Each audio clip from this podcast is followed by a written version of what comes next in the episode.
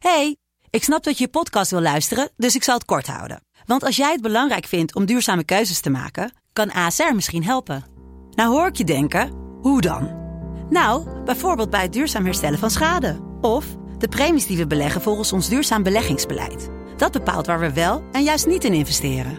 Wil je meer weten over welke duurzame keuzes ASR maakt? Ga dan naar asr.nl slash duurzame keuzes. ASR doet het. Zo, dan kan je nu lekker naar je podcast luisteren.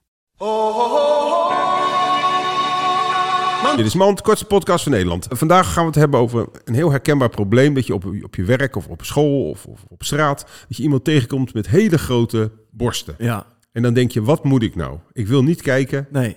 Maar toch ook weer Maar als je wel. dan helemaal niet kijkt, is het ook weer zo opvallend. van, als je expres nou? zo je hoofd Ja. opzij doet, Ja, dat je zo naar het plafond gaat kijken. terwijl ja. er ook geen plafond Nee. is, omdat je buiten loopt. Heel raar. Dus wat doe je? toch heel erg kijken. Dit was Mand.